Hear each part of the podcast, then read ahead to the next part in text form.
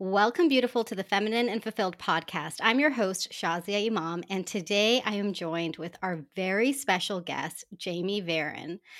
Jamie Varon's writing has been seen across the internet for over a decade, from her early days of personal blogging all the way to features in publications such as Teen Vogue, HuffPost, Good, Complex, and many more.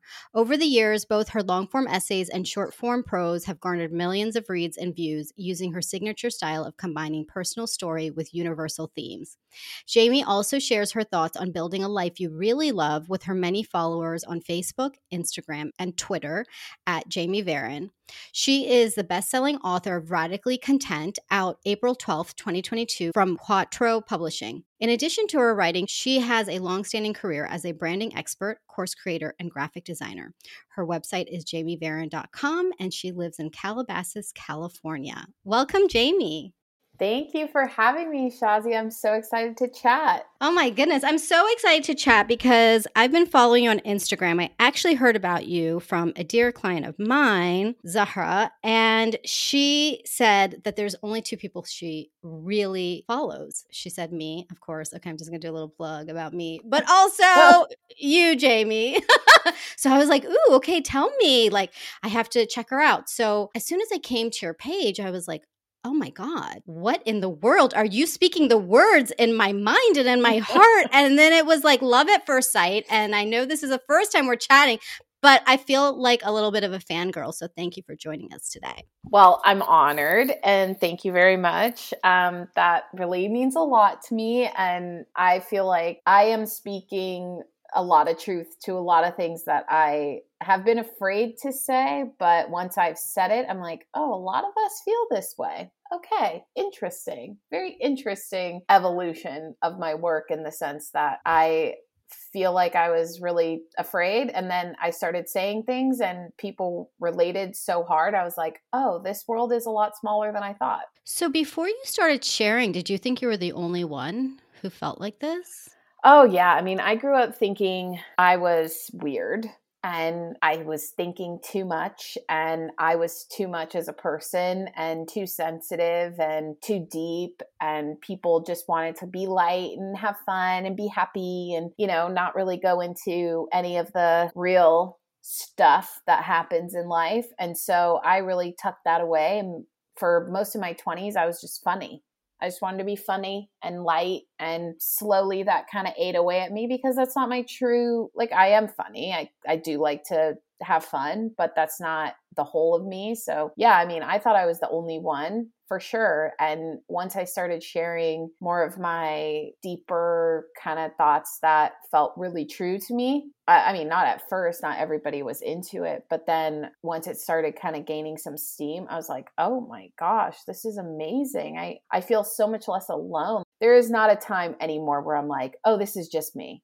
It, I know mm. that it's not because I I've shared enough to know that like there are people it's not everybody not everybody thinks the same but there are people out there who have these thoughts and I think that I'm able to articulate feelings that people have but didn't even know how to articulate which like feels a very like a very big honor to be able to do that. What gave you the courage to share those things? I think it just got to a point where I was like I can't pretend anymore. I think that in different iterations of myself, I was, you know, either it would be like, I'm really into saying like life is hard and we have to like work through it or anything. And then that became a box that I had to live inside. Or like, I'm the funny writer. And then that was a box. And I was just like, you know what? I just am sick of these boxes. So I need to just be real to me, which meant I had to heal a lot to be able to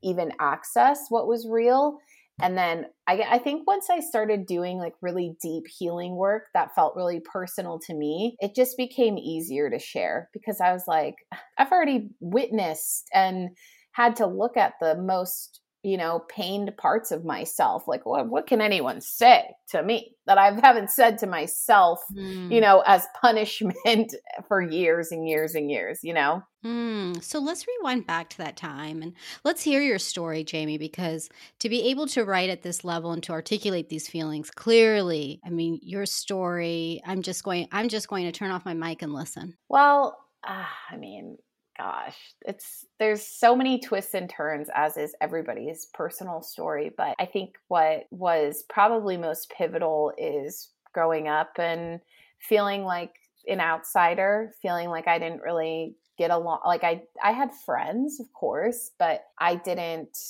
feel like I was really understood. And then I was bullied.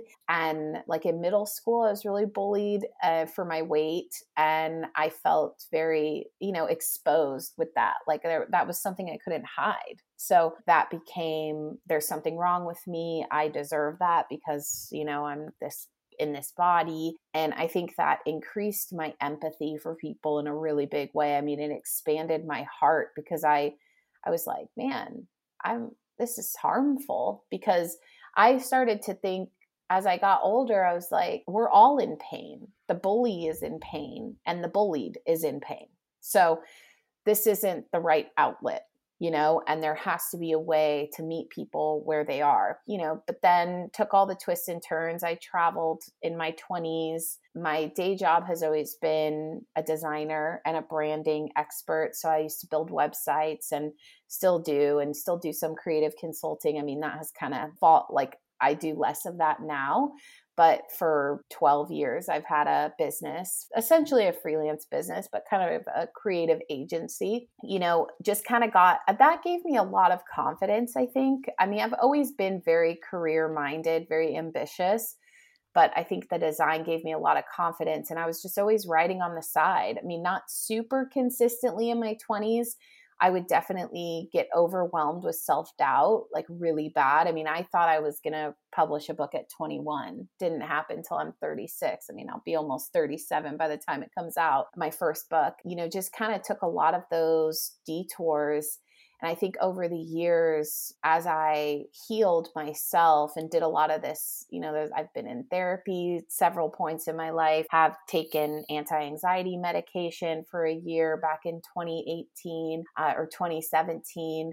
And you know, have always been really interested in healing and in going to the depths of some of the things that a lot of people don't want to go to. And, um, you know, I've always been very curious, very naturally curious, read so many books. I mean, I got like into way into like metaphysical stuff when I went to college. I mean, I was just on a, I was like, who am I? You know, I'm like, I'm trying to, my friends are all like, yeah, just party and have fun. And I'm just like, can we talk about our really intense, deep feelings? Mm. like, you know, I was like, yes, please. why are we here? Yeah, like, why are we here all the time? Existential crisis. Like, my whole 20s, I felt like was this one long existential crisis where I was like, what is the point? Like, why are humans here? And people are like, but like have fun.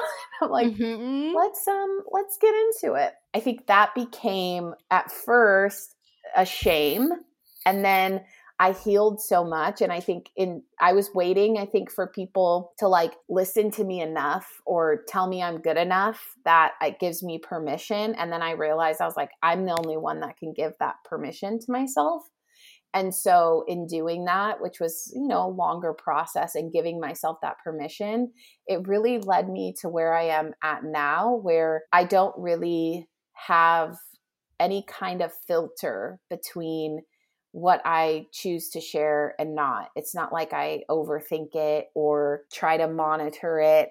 And I think that really led to me having this heart of like, I don't want anyone to feel alone. Like, I don't want people to feel alone. I don't want people to carry pain within them from shame or not feeling heard, not feeling understood. You know, I think it's pretty obvious how to link that back to my adolescence and, um, you know, early adulthood as not feeling understood. And so, and feeling very lonely. I mean, when you're having those grappling with those types of questions, and other people aren't it can make mm-hmm. you feel mm-hmm. like what's wrong with me you know mm-hmm. and i think like i also struggled with like anxiety depression that was very undiagnosed very in the shadows but i think a lot of this was you know my environment kind of inflamed depression i think that i'm stepping into and have continued to step into just in the last like couple of years feeling as though like i'm a leader I, I want to be a leader in this space. I don't want to be a guru. I don't want to act as though I have all the answers. I don't want to put a box around myself that I'm perfect. Follow me. Nope, don't want that. Hate that.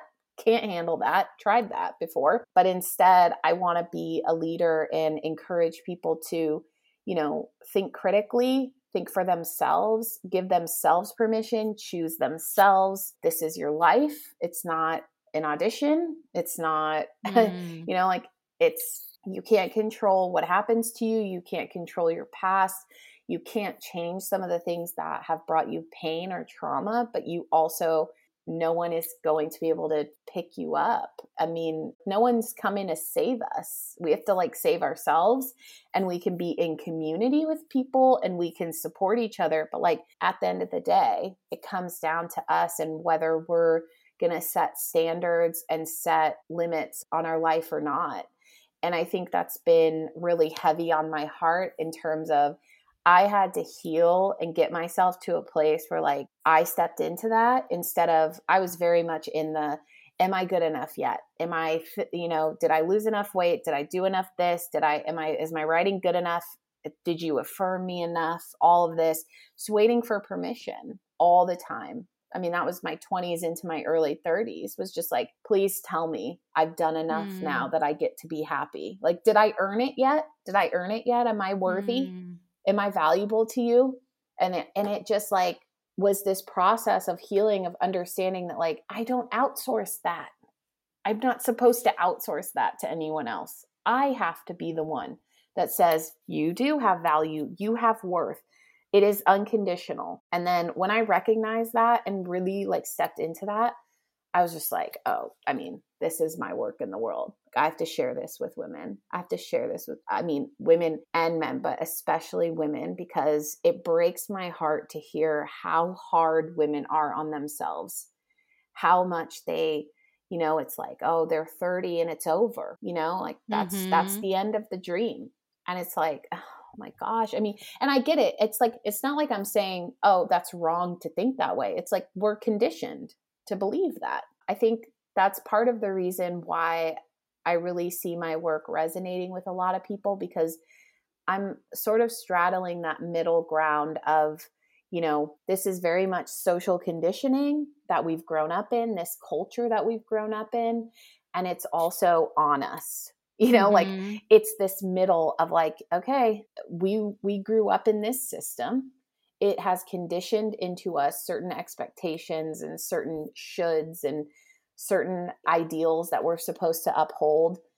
And also it's on us like which which is like probably pisses people off before it feels freeing because that's how i felt. I was like this is some bullshit. You know, like, mm-hmm. oh my mm-hmm. God, I didn't realize, you know, every day I'm uncovering something. I'm like, why do I have this limit that I have in my head? And I'm like, oh, I can trace it back. Like, oh, I grew up in the 90s. So there was this limit on women. Like, even something small, like how women are not allowed really to be like they in the 90s it was all about like women either get to be smart or pretty mm-hmm. and it's mm-hmm. like that's it you don't get to be both. Like if a woman is pretty, like conventionally pretty in that ideal, there's no way she could possibly be intelligent. And, you know, the and vice versa. And it was just like even something like that feels like a limit and a cage of like, okay, so I can't express certain parts of myself. I have to, you know, I felt like a lot for a long time I had to, you know, suppress any desire to change my appearance or even enjoy my appearance because I was I had to be taken seriously be smart. Yeah, I mean, it, it is really interesting how women are, we're really boxed into certain things that we can be. And, you know, as you're sharing about, you know, I grew up in the 90s too. And I, I just remember I felt like I was always going to be the one with a good personality. That's that's the story I told myself. I, I, was uh-huh. also really intelligent, so I was I got that going for me from my Indian parents. But I told myself I'm going to be the one with the good personality, and I told myself this story because I noticed that guys were always really into my friends who were very pretty. I, I, I would gravitate towards pretty women. I'm not sure. And now I realize I, I was also a very pretty woman, but I didn't know it. I didn't see that in myself. And I just thought, well, I'll have the good personality. I'll be the wing woman. I'll be the one on the side. I'll be the one that guys come and talk to and are like, tell me about your friend. And then they would go like totally take advantage of said friend. And I started to witness actually how women were objectified and further treated as objects. I mean, that's a whole conversation in and of itself. And it to this day, to this day, I get so frustrated by the objectification of women. Like this idea that a woman is either an object or just now let's fill in the blank with a lot of adjectives that we use for powerful, intelligent, confident women you know and, and they're not nice adjectives and I, and I just find it really fascinating that we can use we can use this language and this is what we've been put into boxes as and then we accept it and then we live it and like you're saying then we don't feel good enough and we're waiting for one day to feel good enough and it's we could wait our whole lifetime for it because we're never going to get that final check mark.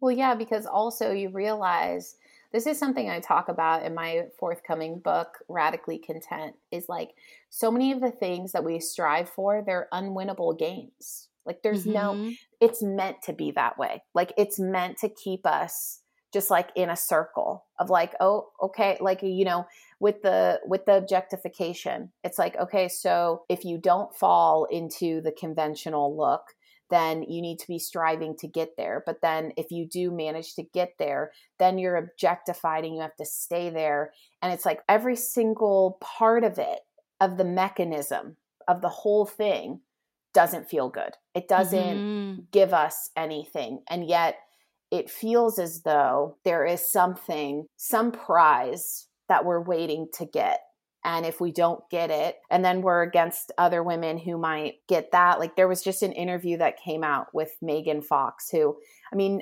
people would look at megan fox and be like she could never ever ever have a bad day you know like that's the assumption or i mean maybe mm. not have a bad day but like she could never feel bad about herself and yet she was like she said in the interview i have intense body dysmorphia and people were like mm. people were like what how mm-hmm. could that be? And I'm like, because I was like, wow, people are really, really entrenched in this system because they really believe that there is a certain body and a certain look and a certain amount of attention that you can get that eliminates insecurity and eliminates the focus of the body. But I look at Megan Fox and I'm like, I feel like that must suck to have like you want to enjoy your body how you look but it's so much of the focus. I mean i don't need to talk about megan fox on this whole thing but i'm just saying like there is this idea that there is a way to win this game and you know if we can just perfect ourselves enough then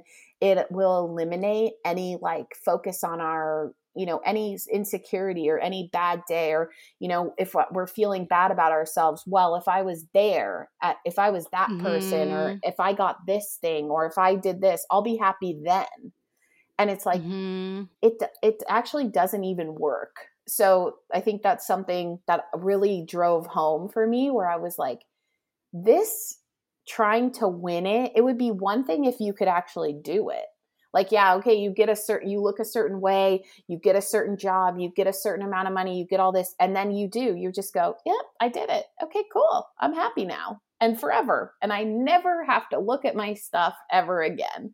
And it's like it doesn't happen. It's like good so luck. doesn't happen like that. I mean it literally doesn't. It never has and it never will and yet we're sold it over and over and we buy into it, which isn't our fault because it's, I mean, it's so perpetuated. How could we not?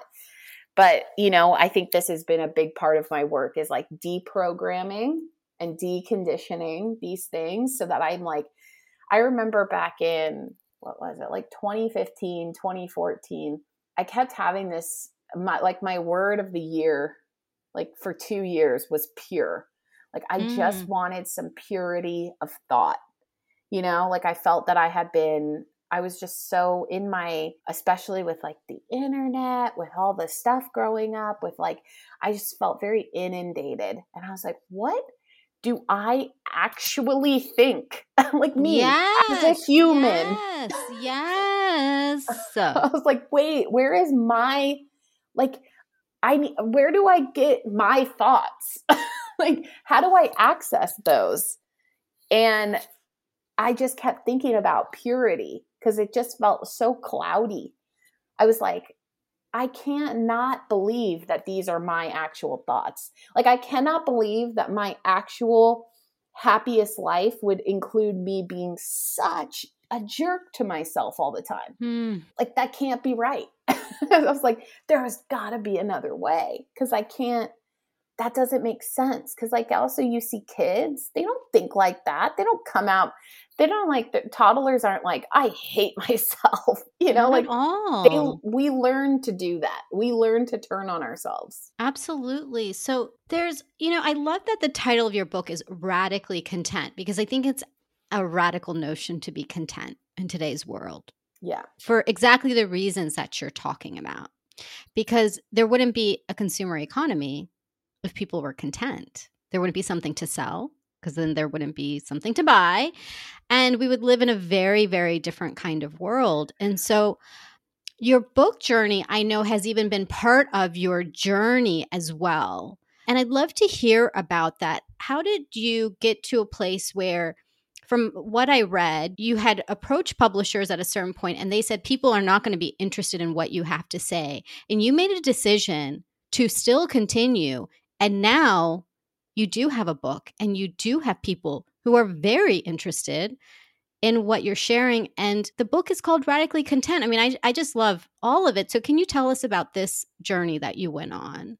oh yeah i mean i had an agent 2019 basically very similar ideas granted between 2019 and now that those two years were obviously very formative in both myself and like the world as a whole 2020 was a whole was a was a lot. I am very glad it worked out the way that it did but at the time in 2019 we sent it out to a bunch of publishers.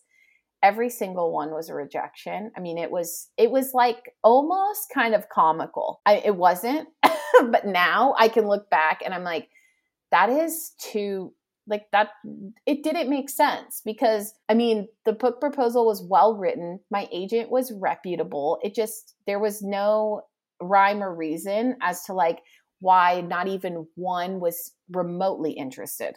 It wasn't even like oh we had a few bites. It was just like hard nose across the board i was like okay and this was the book proposal was essentially about this idea of like I'll be happy when and chasing satisfaction and contentment over more, more, more. But at the time, 2019 was very Rachel Hollis and Yes. Oh. God. You Oh, know, like it was very Uh-huh. like you're made for more, never give up, always keep striving, always keep pushing. And so I think the publishers were like, there's not a market for this. And I'm like, touche, but also, mm, okay, let's let's let's let 2020 happen. And then let's all realize that productivity and hustle culture has like taken over our lives. So like that needed to happen. What happened was I got more rejections, more rejections, and I realized that my agent, whatever reason, there's probably a lot, but I felt that our collaborative ability was not good. Hmm. And I felt like I was giving her a lot of power to decide if I was good enough and to tell me I was good enough. And I made a very hard decision to let her go. And I was just like, basically, I deserve better. And I don't deserve to be having a call with the person that's supposed to be my champion and then coming off the call feeling incredible self doubt Mm. you know i was just Mhm. like this this isn't right. I'm not you know this person has to uplift me. And it and i was taking it as i'm the one that has self-doubt. And then i recognized that i was like no this is kind of only happening when i talk to her. And so let her go. And then out of nowhere i get an email from a woman who runs four imprints at a publishing firm or a publishing house and I hadn't heard of them. And they were kind of, you know, they're not like a big Harper Collins type of publisher, but um, still very reputable and they do more like illustrated books. So, like, they publish a lot of mindfulness and astrology and, you know, those ones that are like really heavily illustrated and designed and beautiful. And I was like, that's not really what I'm trying to do. You know, I want like my book to, it can be beautiful inside, but I'm not going to do like pull quotes and these types of things. Like, I just want people to read the writing. Like, black text, white background. Mm. Just hmm. get into it. You know, I, I was like, I because I said I was like, I I don't want a skimming book, like a book that people skim. And so, um, you know, that felt like at least giving my writing the space it deserved for that kind of book. And they were like, okay, like let's do it. Like whatever you want to do, like give us an outline, but really whatever you want to do, write it. Like just write it. Write whatever you want to write and we'll publish it. And I mean, I think you can know wow. that that is not typical. That is not. I'm like, did they really say that? That's no, amazing. They like really said that, and I was like, wow, what? and I did it without an agent. Like I, I negotiated the deal myself, and I now have an amazing agent. It has kind of things have progressed in that sense, but at the time of earlier this year, yeah, I was like, I choose me. I'm going to do it myself. Like actually before they this publisher even came into my world, I was like I'm going to self-publish. Like I'm going to do it. I'll just do it myself and put my words out there. Like I don't care because I was like I'm not going to hold myself hostage to this idea that I'm not a real writer unless I get published by this like very specific publishing houses. Like I mean, it would have been nice, but I was like I just want to get my words out there. And that seriously, I think like the universe was just like, okay, that's where we wanted you to be. Mm. Now we will give you all the opportunities that you've been rejected from. like it was so bizarre. It was like that that was, you know, those moments where just you declare the thing and it's such a strong declaration that the universe seems to just conspire to like Absolutely. bring all these Yeah, and you're like, oh, I see. You wanted me to get there. Now I know. Like that was where I needed to get that instead of being like, someone give me an opportunity so I can feel good enough. Like that. Yeah. The whole thing with the good enough, am I good enough yet? I mean, that was like a prison I lived within for so many years. And I think this year it's just, I mean, it's gone. It's pretty much gone. I mean, we can't ever fully heal, but like that does not hold as much I guess, um, sway over my life and decisions as it used to. And how did you choose you? How do you choose you? I mean, we hear this, right? Like choose yourself, choose me. How how do you do that? I think for me it was a constant affirmation that like I'm the one that says I'm good enough. I'm the one that gives myself value.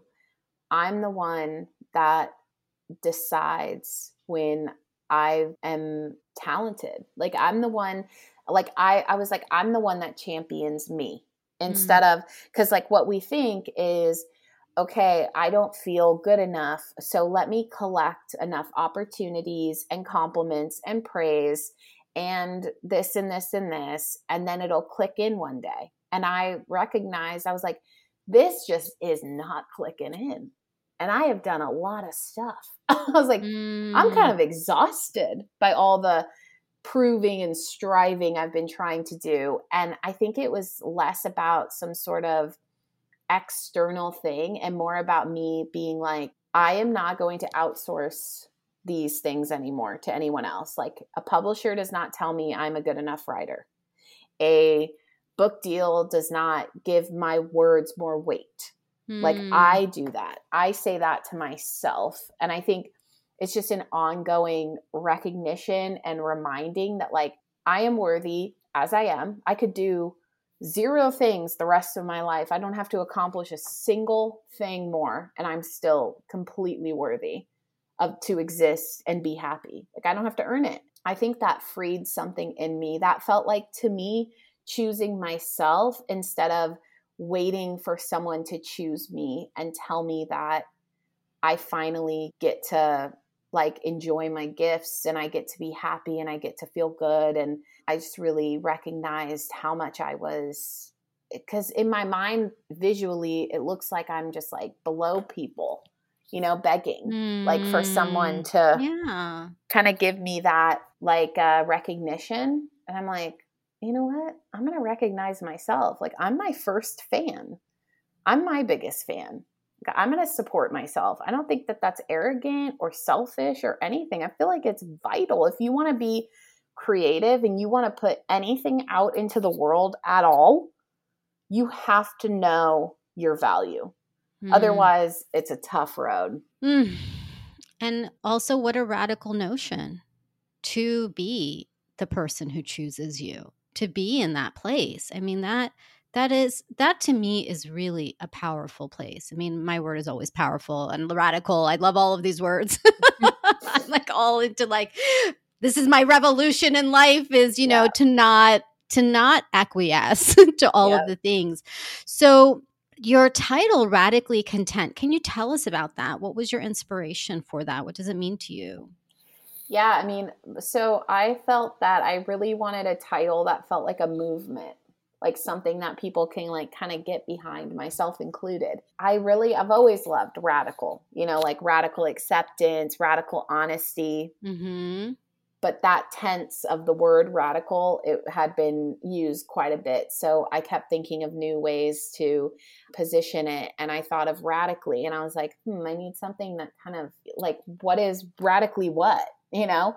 I came up with this idea of radically content and I was like, oh my God. Like, because contentment, you're right, like what you said earlier, it's almost kind of counterculture. Like, it's, it, contentment is almost like kind of um, controversial in a way because it's like, oh, it means you're giving up. It's complacency, it's mediocrity. And I'm like, no, it's not. Mm-hmm. Like, in a world that is constantly telling you where you're not measuring up, where you have to do more and achieve more and consume more, being content is punk as hell. Like, mm-hmm. I'm sorry. No, it is so hard to be content. It is so hard to be joyful and happy in this this world. this very this world that is always trying to convince you that you shouldn't be because you have to buy this next thing that will make you happy and do this next thing. Um, so I was like, whoa, contentment as a radical choice. It's like, oh, that that kind of lands with me. And then I had two conversations with people. I told them the title, and the first person I talked to, she was like, I don't know. I mean, contentment, like that doesn't always give me the best like you know, that doesn't always have a great association. It makes you think about laziness or giving up or this. And we have this like 15 minute conversation about it. And she's trying to, she's going back and forth. And she's like, but actually, like contentment is good. Da, da, da. And I stopped her and I was like, this is exactly what I want. I want people to have a 15 minute conversation about a freaking book title. Mm-hmm. So actually, that is the title. Like, that's it. And she was like, like her mind was blown. And I was like, yes, that is exactly what I want. Like, I want it to be something that people think about and go, wait, why have I, I feel uncomfortable with the idea of being content.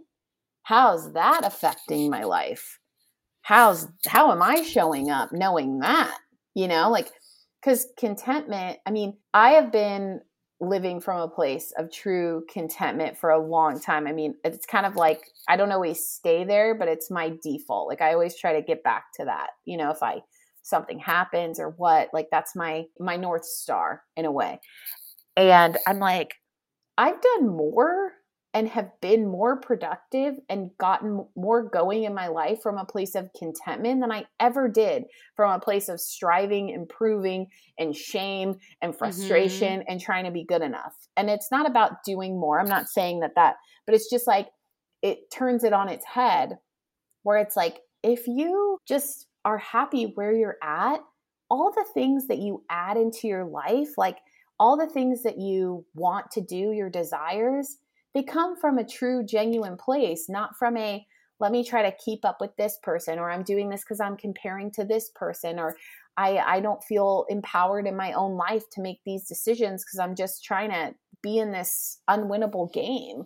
Like to me, rat, being radically content means like you're already enough. as mm-hmm. you are. Mm-hmm. You're already worthy, you're already valuable. Now, just like, what do you want to do from yeah. that place? Yeah.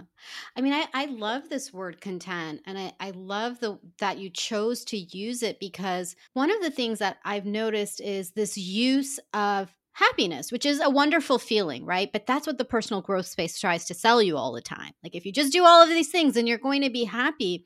And feelings are fleeting.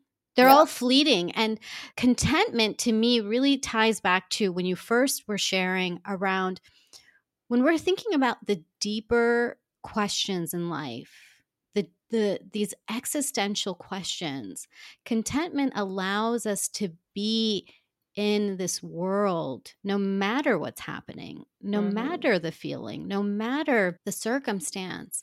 And contentment to me is is like it's the highest level when we talk about being high vibe to me contentment is the highest vibe or you know the ascension because now you can have this feeling of contentment that is not derived by something and is not driven to feel a certain way either. And that is really what I believe people are looking for, but they just don't even know it yet. That's that's why every time you're posting, Jamie, it's like, yes, you're putting words to what I've been thinking. You're putting words to the truth that we know, but nobody else is saying it. Yeah. And now now we have something. Now we now we can have this thing to hold on to and say, yes, I can breathe again. Yeah. I I completely agree. You know, this whole thing of like only good vibes and like only happiness. I mean, I'm a big I love talking about happiness, but I also am very aware that it is fleeting and that it's a one of joy happiness these types of things like they come and go and mm-hmm. and actually the more healthy place that we can get to is being able to just honor what feelings come up like a friend and i we always say we are doing a lot of like big conversations with each other and we always say like it's a gift to be triggered because it allows you to see like where you're not free mm-hmm. and what mm-hmm. you need to go deeper into instead of it being like this someone else has to change for me to feel okay. I mean, of course, we want accountability and we want people we want a more just world, but I'm saying in the in the short term, I think that being able to honor your feelings and actually listen to them and actually uh, be able to hear them without you know being like well what's wrong with me that i can't be happy all the time like that's why that's why I really love the word content too because it's like it's not expecting anything. It's not yeah. telling you be happy, always be high, always be up. It's like just allow what's happening to be happening and like yeah. extract lessons from it and extract what you need to know from it and like be in the flow of your life, you know, even when it's tricky and challenging. Like trust that that's leading you to something. Trust that that's going like trust that when something's meant for you, it'll conspire to work out for you and when it's not meant for you, it's not meant for you. Like mm-hmm. I actually am a very I used to be very like so so scared of rejection, but now I am in such a place where I'm just like I love when something misses me because I'm like I know that was not where I was meant to go. Like mm-hmm. I love mm-hmm. it. I love when something skates right on by me. I'm like, okay, cool. Dodged a bullet like there because that even if it looks on paper as exactly what I'm supposed to be doing and I have it in my mind and I've got all the control going, it's like, oh, yeah, I don't want that. I don't want what's I don't want what I need to force to make happen. Yes. Yes. What are you desiring these days? Oh my gosh, I'm desiring like the most lit up like I have no specifics. It's the best place I've ever been in because I finally am not tied to these specific outcomes, how it needs to be. Like I'm just desiring when I am so lit up and I can't wait to say yes and I'm so excited and I'm inspired. Like however form that comes, like I'm in.